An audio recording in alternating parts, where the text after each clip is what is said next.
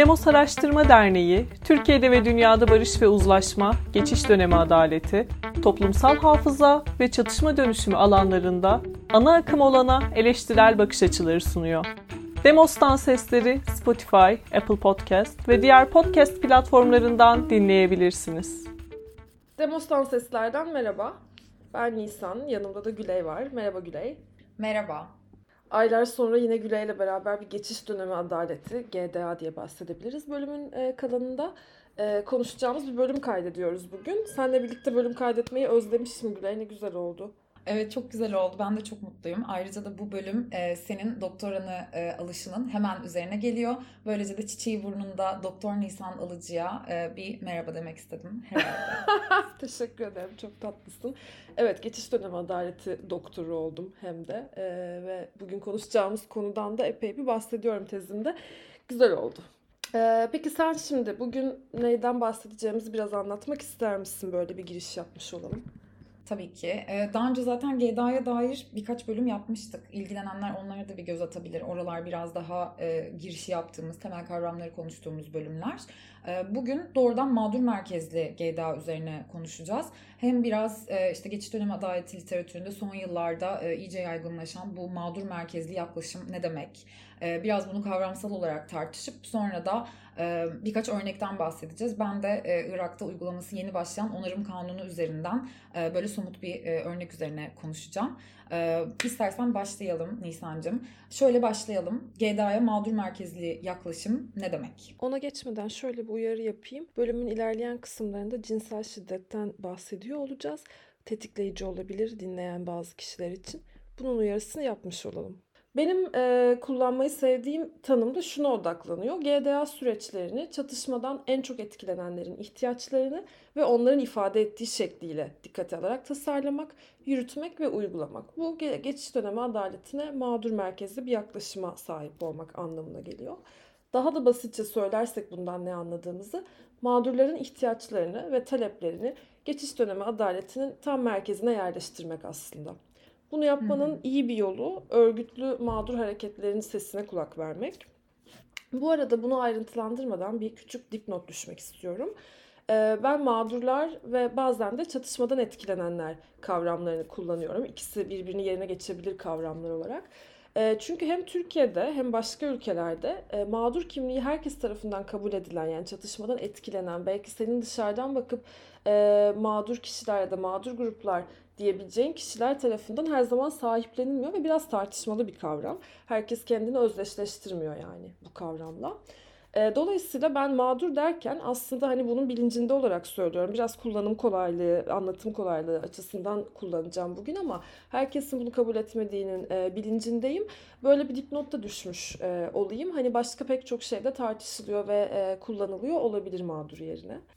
Evet, bağlamsal olarak da değişiyor sanırım biraz. Mesela düşününce işte Irak, ondan sonra işte Kürdistan bölgesel yönetimi buralarda kullanılan terim hiçbir zaman mağdur değil. Çünkü daha ziyade cinsel şiddetten hayatta kalanlar üzerinden bu tartışmalar, geçiş dönemi adalet üzerine tartışmalar yürüdüğü için hayatta kalan ifadesini kullanmaya çok özen gösteriyor orada sivil toplum aktivistler. Bu da zaten doğrudan hayatta kalanların bir isteği. O yüzden orada biraz da toplumsal cinsiyet temelli şiddet ve e, bu şiddetten korunma literatüründen de gelen hayatta kalan merkezli, survivor centered dediğimiz e, tabiri tercih ediyoruz örneğin. O yüzden bu dediğin e, buradan da bana ilginç geldi. Aynen öyle bu arada. Tam söylediğin gibi bağlama göre de değişiyor. Aynı ülke içinde farklı meseleler için de nasıl kullanıldığı e, değişiyor. Yani şöyle tartışma var, var zaten. Bu çok derin bir tartışma alanı. Hani mağduru mu tercih ediyoruz, hayatta kalan mı e, diyoruz. Çok çok eskiden artık neredeyse hiç kullanılmıyor ya da çok az kullanılıyor ama kurban da kullanılıyordu örneğin. Hani bu neredeyse artık tamamen terk edildi. E, bunun ayrıntılarına belki başka bir zaman değiniriz ama aslında bu da mağdur merkezli yaklaşımı biraz ilişkili. E, çünkü pek çok insan şu kadarını söyleyip bırakayım. E, pek çok kişi bu mağdur kelimesini e, sınırlı bir kavram olarak görüyor. Çünkü çatışmadan etkilenen hı. kişinin kimliği aslında oldukça karmaşık bir deneyimi yansıtıyor. Yani hem e, mağduriyet yaşadığı bir durum var ama çoğunlukla bununla beraber yürüttüğü bir mücadele de var. Mağdurun bunu kapsamadığı söyleniyor. E, bunu böyle bir belirtmiş olmak istedim sadece en başta. Ee, buradan devamla tekrar bu geçiş dönemi adaletine mağdur merkezli yaklaşım nedir ona dönersek aslında bu belli e, yani ana akım geçiş dönemi adaletine getirilen bazı yaklaşımların üzerinden şekillenen e, bir yaklaşım diyelim. E, getirilen bazı eleştirilerden daha doğrusu. Eleştirilerin biri şu, pek çok örnekte GDA'nın bayağı yukarıdan aşağıya bir dayatma şeklinde, tabii yani zorla yapılan bir şeyden söz etmiyorum ama yukarıdan tasarlanan ve tabana e, sunulan adeta bir şekilde ya da uzmanlar, uluslararası kurumlar, uluslararası donörler eliyle dolayısıyla böyle bir elitler düzeyinde dizayn edildiği e, biliniyor.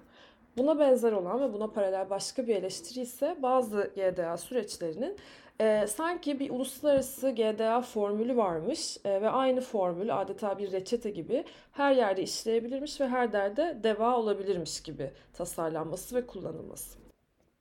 Bu eleştiriyi biraz açar mısın Nisan? Tabii açayım birazcık. Şimdi ben yani kendim bunlardan ne anladığımı açayım biraz. İlk olarak her toplum, her ülke, her çatışma farklı dinamiklere sahip. Dolayısıyla çatışmanın kökenindeki nedenlere bağlı olarak o çatışmanın nasıl ilerlediği, aktörlerin kim olduğu, şiddetin kimler tarafından ve kime yönelik uygulandığı ve yine bunların sonucunda çatışmaya bağlı olan hak ihlalleri de farklı farklı. Bu nedenle orada kullanılabilecek geçiş dönemi adaleti mekanizmaları da bu faktörlere göre belirlenmeli. Örneğin devlet şiddeti mi orada yaygın olan, daha çok farklı silahlı örgütler arasında geçen bir çatışma mı? Ee, çatışmanın kökeninde toprak bölüşümüne mi yoksa etnik kimliğe dair baskılara mı e, dayalı bir sebep var? Devletin buradaki rolü ne?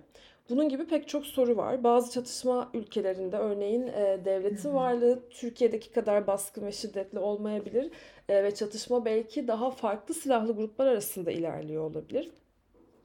Bütün bu farklı etmenler adalet talebinin ne olduğunu da etkiliyor. Yani o ülkenin sosyoekonomik yapısı da dahil buna. Çatışmadan etkilenenler nasıl bir adalet bekliyor e, ve yaşadıklarının onarılması için neye ihtiyaç duyuyorlar. Dolayısıyla böyle bir evrensel formülden bahsetmek mümkün değil ve bağlama özgü yöntemler geliştirmek önemli e, ki daha önceden belirlenmiş reçetelerin ötesine geçilebilsin.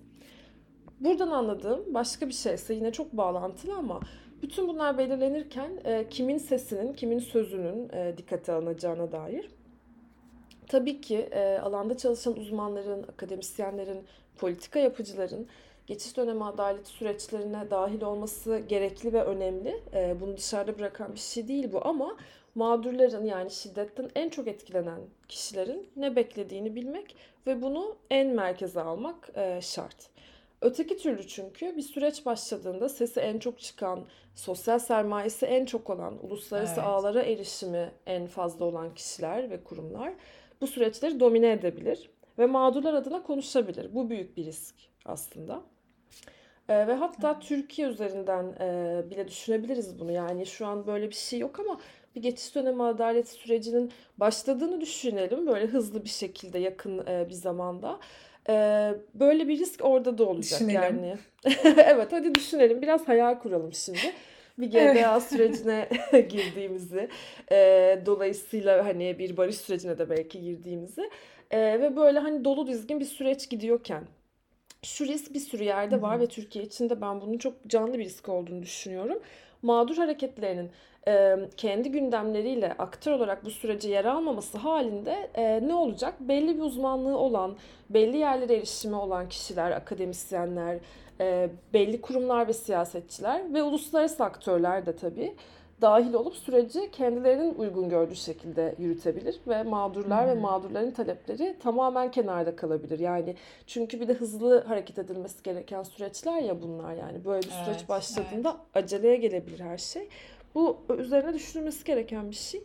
Ee, bu da tabii mağdurların taleplerinin karşılanmadığı ya da onların taleplerinin ne olabileceğine dair e, sadece akıl yürütmelerle, ön kabullerle e, bir sürecin tasarlandığı anlamına gelebilir. Burada başka bir şey de şu önemli ve değinmek gereken çatışmalı ülkelerde çatışmadan en çok etkilenenler çoğunlukla zaten daha o çatışma ya da şiddet hali başlamadan önce de yoksulluk, etnik köken, ırk, toplumsal cinsiyet gibi farklı farklı sebeplerle e, siyasetin de dışında bırakılmış, ayrımcılığa uğramış ve baskı görmüş gruplar oluyor. Yani çatışma zaten e, bunlardan dolayı başlamış oluyor ve çatışma bunları bir de derinleştiriyor üstelik. Dolayısıyla bu kişileri, bu grupları aktif özneler olarak tanımak en başta çatışmayı ortaya çıkarmış olan bu e, güç ilişkilerini de dönüştürmek anlamına geliyor. Bu bence çok önemli. Hem de aynı zamanda biraz önce bahsettiğim gibi elitler e, düzeyinde tasarlanmış bir geçiş dönemi adaleti anlayışına tabandan bir müdahale olmuş oluyor. Bu söylediğim bayağı önemli Nisan. Çünkü e, yani GDA mekanizmasını oluşturma sürecinin kendisi de aslında o idealimizi yansıtmalı. Onu söylüyorsun. Yani bu süreçler, geçiş dönem adaleti süreçleri e, mekanizmaların aracılığıyla ulaşmayı hedeflediğimiz o barış, demokrasi idealinin daha küçük çapta birer uygulaması olmalı diyorsun. Ve böylece dezavantajlı kılınmış grupların e, karar alma süreçlerine katılımını bir emsali olacak o. E, ve o güç ilişkilerini dönüştürmeye başlamak için de önemli bir ilk adım olacak. Tabii ki bunun devamı e, geçiş dönem adaleti süreci sona erdikten sonra da e, gelmeli. Çok iyi toparladın. Yani şey e, deniyor zaten hani çatışmadan etkilenen kişiler ya da mağdur grupları bu süreçlerin barış süreci içinde geçerli bu. Geçiş dönemi adaleti içinde. Böyle pasif alıcıları olarak görülmemeli yani. Hani sanki onlara bir şey ulaştırıyormuşsun gibi. Çünkü o zaman onları gene o evet. bir nevi işte kendi öznelliği olmayan ya da kendi eyleme kabiliyeti olmayan bir yerde tutmuş oluyorsun. Aslında evet. onu dönüştürmek için bu yaklaşım çok e, iyi bir fırsat da bir taraftan ve senin bahsettiğin gibi bir şeyi başlatmak, onun ilk adımını atmak için de. E, peki uygulanacak geçiş dönem adaleti mekanizmalarının ne olduğuna dair, bunlara dair neler söylüyor bu mağdur merkezli yaklaşım? Ya orada da şöyle bir şey var aslında. Gene bu az önce bahsettiğim e, bir reçete ya da formülün olmaması meselesiyle ilgili. Yani bu temel ayakların hangi sırayla uygulanacağı, geçiş dönemi adaletinin hangi mekanizmalarının e, ne kadar önem taşıması gerektiği belli bir e, spesifik belli bir e, ülke üzerinde. E, bunlar önemli burada çünkü bu temel ayaklar e, böyle bir kısaca bahsetmek gerekirse e, hakikatin ortaya çıkarılması, onarım, hafızalaştırma, adaletin sağlanması ve yaşananların tekrarlanmaması garantisini içeriyor. Bu üç aşağı beş yukarı üzerinde anlaşılan e, temel ayaklar geçiş dönemi adaletinde. Ve bunlar tabii farklı mekanizmalar aracılığıyla gerçekleştiriyor. Biz buna ilk e, GDA serimizin ilk bölümünde resmi mekanizmaları konuşurken değinmiştik. Hakikat Komisyonu, ceza yargılamaları, özür, devlet özür, resmi özür, anma, tazminat bunlar e, bu ayakların gerçekleştirmesini sağlayan farklı farklı mekanizmalar. Bunların e, biri birkaçı bir araya gelebilir, aynı anda uygulanabilir, belli bir sırayla uygulanabilir. Hepsi o ülkedeki yine e, dinamiklere göre farklı aktörlerin bir araya gelip tartışarak oluşturacağı şeyler. Ayrıca da e, o ülkede çatışmanın e, hangi politik ve sosyal sebeplerle ortaya çıktığı da aslında e, oradaki şiddete e, atfedilen anlama dair çok belirleyici oluyor. Ama bütün bunları bilebilmek, anlayabilmek, hangi mekanizmanın nasıl kullanılacağına karar vermek için de gene mağdurların yani çatışmadan esas etkilenen e, kişilerin ne talep ettiğini bilmek ve onları bu süreçlerdeki temel aktörlerden biri olarak konumlandırmak gerekiyor. Bir e, örnek verebilir misin bize? E, evet aslında güzel bir örnek var. E, bu alanda çok fazla çalışması olan e, bir akademisyen Simon Robbins'in Nepal örneği üzerinden ayrıntılı derinlemesine araştırmaları var. Oradaki kayıp yakınlarıyla e, görüşerek yaptı ve onların adalet taleplerini anlamaya çalıştı. Kendisi zaten e, mağdur merkezli yaklaşım hakkında oldukça e, fazla çalışması da olan biri. O böyle bir araya getiriyor. Bu örnekte Nepal örneğinde oradaki geçiş dönemi adaleti modelinde özellikle zorla kaybedilenlere dair işletilen süreçte ceza yargılamalarına öncelik verilmiş. Ama e, yakınlara sorarak e, şunu anlamaya çalışıyor Simon Robbins. Onların önceliği neydi peki? Yani onlar ne beklerdi ve bu yargılamaların onlardaki karşılığı ne? Çünkü şöyle de bir şey var. Genel olarak bu geçiş dönemi adaleti mekanizmaları uygulanıyor ama bunların uzun vadede örneğin e, mağdurların hayatında neyi değiştirdiği, onlara ne kadar iyi gelip gelmediği pek de takip edilmiyor. Dolayısıyla biraz böyle... Ölçülmüyor. Evet. Aynen öyle ölçülmüyor. Yani devamına dair bir e, ampirik çalışma pek yapılmıyor. O yüzden evet. aslında çok da bilmiyoruz. Yani bu mekanizmalar e, evet. kime ne kadar iyi geliyor. Bunu da gösteren iyi bir yani çalışma. Yani şey çok kolay değil tabii. Yani e, nicel bir e, ampirik bir çalışma olması da şart değil tabii ki ama e, yani çeşitli indikatörler geliştirilebilir, metodolojiler geliştirilebilir. Çok gerçekten bunun e, sonrasında neler oluyor, bu süreçler ne kadar orada bir şeyleri değiştirdi. Bunu ölçmeye dair nitel veya nicel olarak çok fazla bir çaba ve çalışma da yok literatürde yanlış bilmiyorsam. Yani etkililiğini ölçmek üzerinden GDA mekanizmalarının. Kesinlikle öyle. Çok doğru söylüyorsun. Ee, bunu hakikat komisyonlarıyla ilgili de e, çok denk geliyorum bunu bu eleştiriye. Yani e, var yeni yeni yapılan çalışmalar ama uzun süre pek buna bakılmamış gibi. Buradan Nepal'e dönersek e, yine Simon Robbins'in çalışmasında e, ailelerle görüşüyor ve ailelerle yaptığı çalışmanın sonunda ortaya çıkıyor ki aslında birinci sırada bu ailelerin temeli kayıplarına ilişkin hakikatin ortaya çıkarılması, öğrenilmesi ve bunun tanınması, kabul edilmesi. Birinci sırada öncelik olarak verdikleri şey bu. Sonrasında kayıplarının cenazesinin e, ya da onlardan geriye kalan kemiklerin kendilerine ulaştırılması. Bunun ardından da belki e, belki bizim Türkiye'den çok alışık olmadığımız için böyle ilginç gelebilecek bir şey ekonomik destek ve bunun içine eğitime, sağlığa erişim, hayatta kalma yani gündelik temel ihtiyaçlarını karşılayabilme gibi şeyler de giriyor. Yani aslında bu orada uygulanan e, hakim GDA söylemindeki cezai yargılamanın görece daha az önem verilen bir şey oldu ortaya çıkıyor. Bu aileler adalet istemiyor filan demek asla değil. Ama onların adalet beklentisi ve onlar için adaletin yerine gelmesini sağlayacak şeylerde birinci sıraya yükselen e, illa bir cezai yargılama değil örneğin. Yani ailelerin temel talepleri, ihtiyaçları onların içinde oldukları sosyal, kültürel, ekonomik bağlama göre ortaya çıkıyor. O yüzden e, gündelik hayatlarını geçirebilecek bir ekonomik e, desteğe sahip olmak önemli bir şey örneğin. Ama işte eğer oradaki bağlama önem verilmezse ve bunlar dikkate alınmazsa aslında GDA süreçleri e, kendi kendine işlemiş ama o çatışmadan zarar görenlerin taleplerini karşılamamış oluyor. Aslında bütün bu söylediklerin için yani GDA süreçlerinin e, mağdurların taleplerini merkezine alabilmesi için mağdur örgütlerin de hazırlıklı olması lazım. Çok önemli ki hızlıca mobilize olup böyle bir sürece dahil olabilsinler, etkin bir rol alabilsinler. E, çünkü mağdur gruplarının örgütlenme, harekete geçme güçleri de e, epey belirleyici oluyor GDA süreçleri için. Ve e, zaten onlar da bu süreçlerle birlikte mağdur gruplarının da aktif özneler e, haline geldiğini görüyoruz.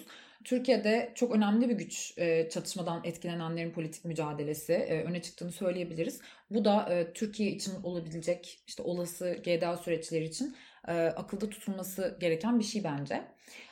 Peki buradan şunu sorayım. Bu geçiş dönemi adaletine mağdur merkezli yaklaşım işte teoriden bahsettin.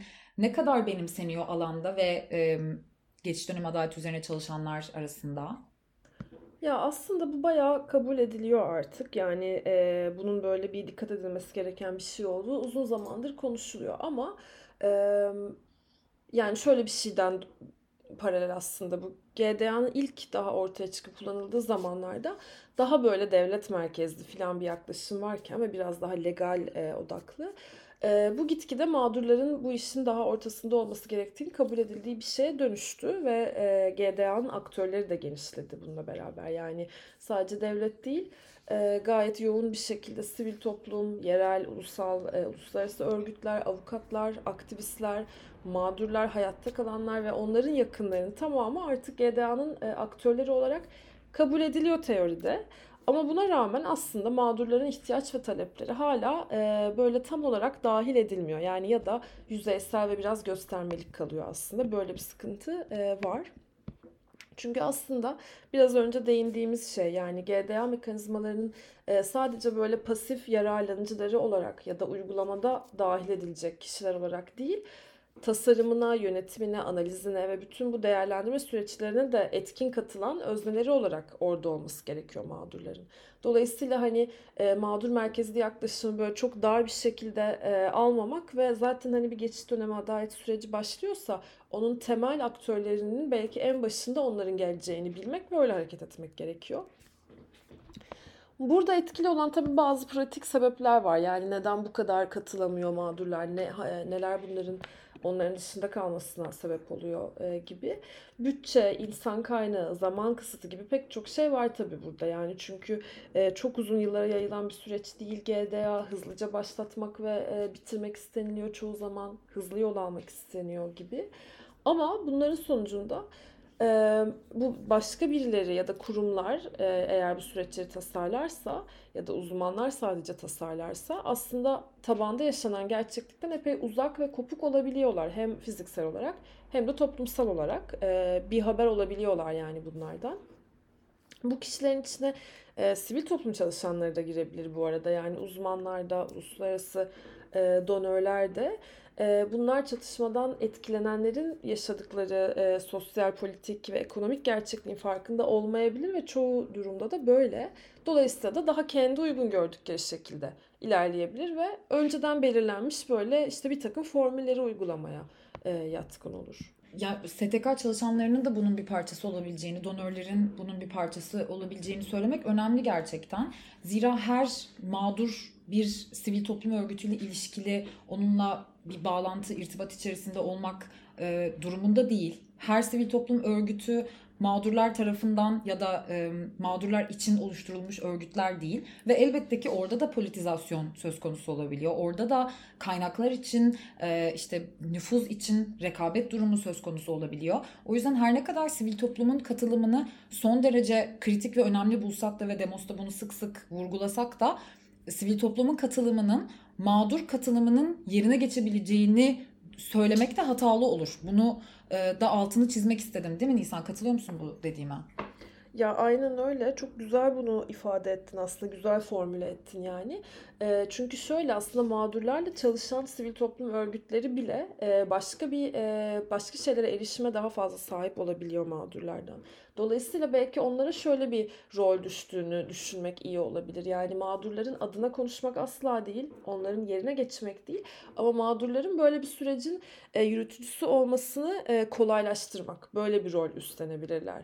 Yani tabii ki sivil toplum kurumlarının kendi deneyimleri ve bilgi birikimleri çok çok önemli. Tekrar başta söylediğimi tekrar edeceğim. Yani bu onu dışarıda bırakan bir şey değil, e, asla değil. Ama tam da o deneyimlerini, ilişkilerini e, aslında mağdur gruplarını öne çıkaracak bir şekilde e, seferber etmeleri en uygun olan. Yani ne yapabiliriz de hani bunu kendi kurumumuz içinde, MOS içinde bu şekilde düşünebiliriz e, mutlaka. E, ne yapabiliriz ki e, mağdurlar buranın temel aktörleri olarak burada yer alsın. Biz de orayı destekliyor olalım gibi. O yüzden bayağı iyi oldu yani bu söylediğin e, hatırlatma.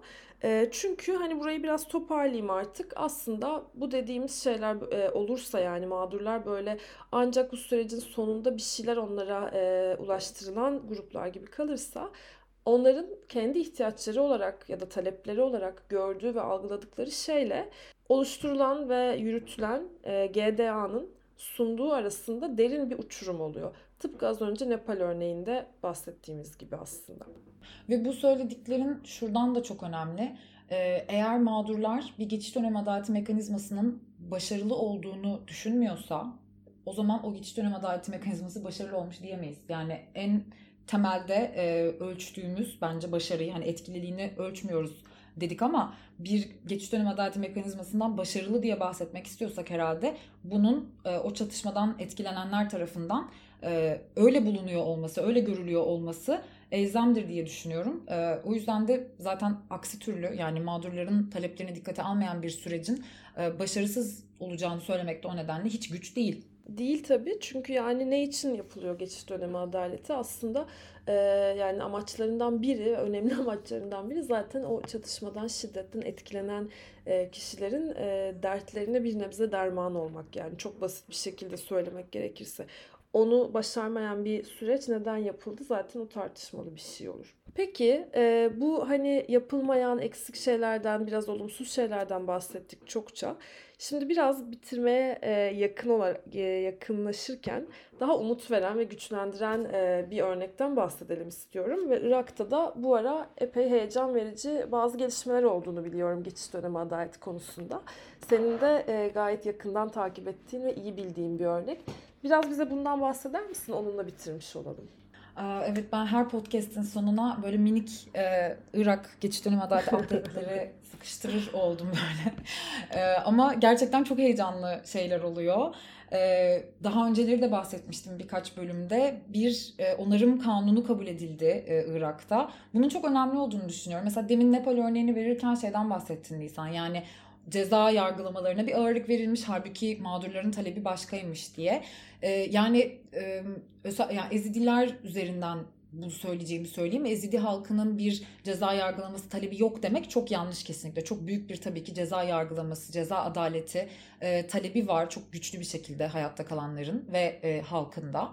E, ama e, tek odakta bu oldu uzun bir süre. E, işte gerek ulusal yargıda gerek uluslararası yargıda işte evrensel e, yetki kurallarıyla buna dair de bir bölüm e, hazırlamıştık ilk Ezidi soykırımı yargılaması üzerine.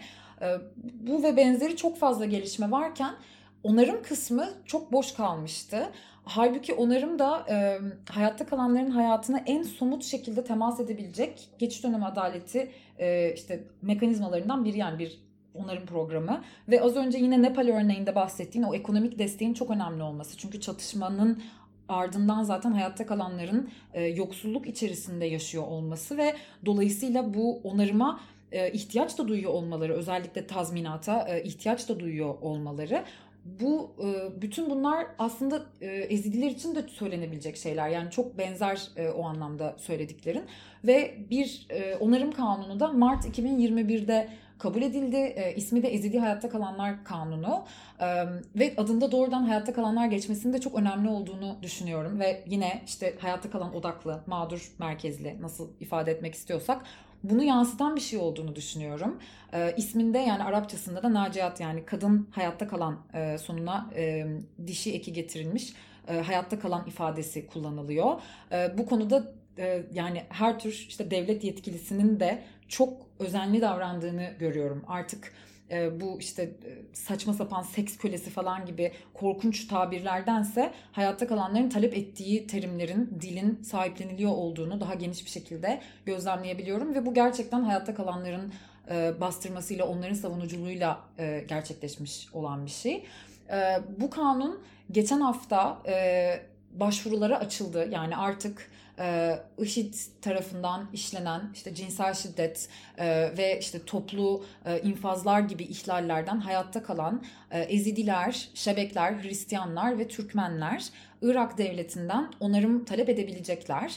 Bu onarım talepleri de çok çeşitli aslında yani kanunun sunduğu onarım çeşitleri de e, bence dikkate değer. İşte e, medikal psikososyal destekten e, tut işte aylık bir e, ödemeye kadar tazminat olarak bir parça işte bir yerden bir arsa verilmesi veya bir ev verilmesi eğitime geri dönülmesi, kamuda işte istihdam için öncelik sağlanması gibi çeşitli bireysel bazı onarımlar var. Buna ek olarak bir de daha kolektif, daha sembolik işte 3 Ağustos'un bir ulusal gün ilan edilmesi, e, işte çeşitli hafızalaştırma girişimleri gibi e, daha kolektif ve sembolik bazı onarım tedbirlerini de içeren son derece kapsamlı ve bence yani cinsel şiddeti de odağı aldığına dikkate alınca sadece bölge için değil bence dünya için örnek teşkil edebilecek bir kanun aslında. Yani çok büyük bir adım bu.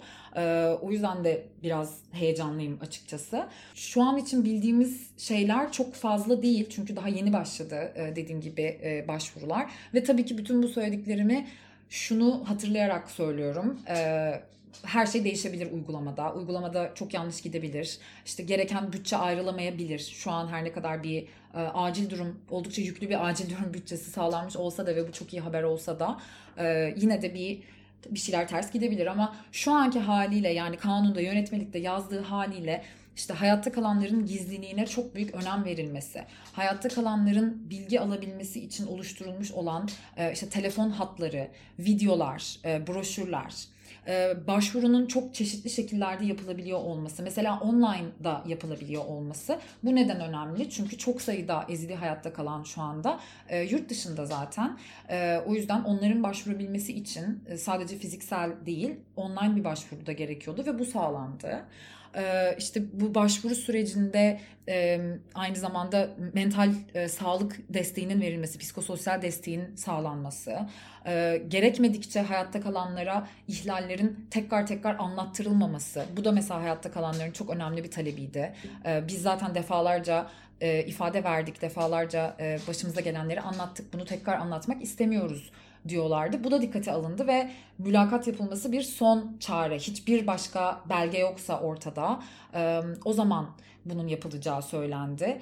Bence en önemli şey bu kanunun getirdiği cinsel şiddeti odağına alan bir kanun ve cinsel şiddeti ispatlamak zorunda bırakmıyor hayatta kalanları. Bu çok önemli çünkü yıllar süren cinsel esaretten bahsediyoruz. Buna dair bir delil toplamak zaten cinsel şiddetin işte e, medikal raporlarla belgelenmesini e, talep etmek e, en iyi uygulamalara aykırı bir şey. Çünkü her daim medikal raporlarda e, bu bulgular yer almıyor.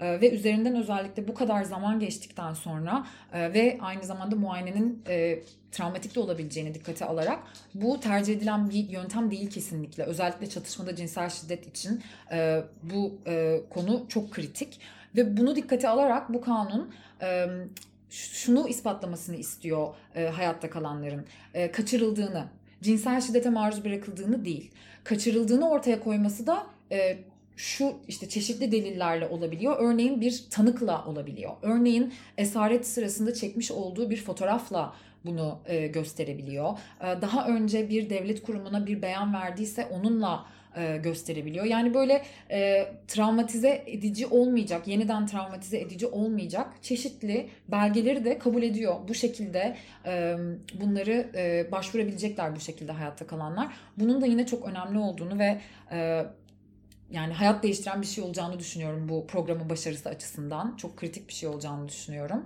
Ee, sivil toplum da yine bu başvuru sürecinin e, işte hayatta kalan odaklı, hayatta kalan merkezli olmasında çok önemli bir rol oynayacak. Başvurulara destek olacak en başta. E, bilgilendirme yapacak başvuru sürecinden neler bekleyecekler gibi. E, bakalım neler olacak önümüzdeki haftalarda, aylarda. Ben de heyecanla bekliyorum.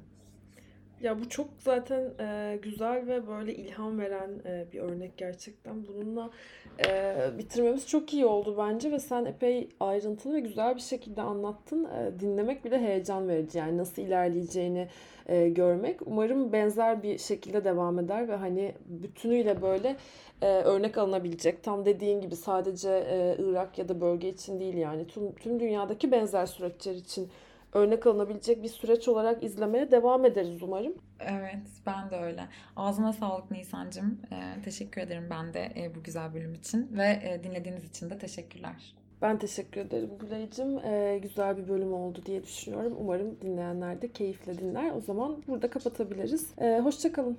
Hoşçakalın. Hakkımızda ne düşündüğünüzü merak ediyoruz. Demos'tan sesleri üye olmayı, puan vermeyi, yorum ve önerilerinizi bizimle sosyal medya hesaplarımız üzerinden paylaşmayı unutmayın.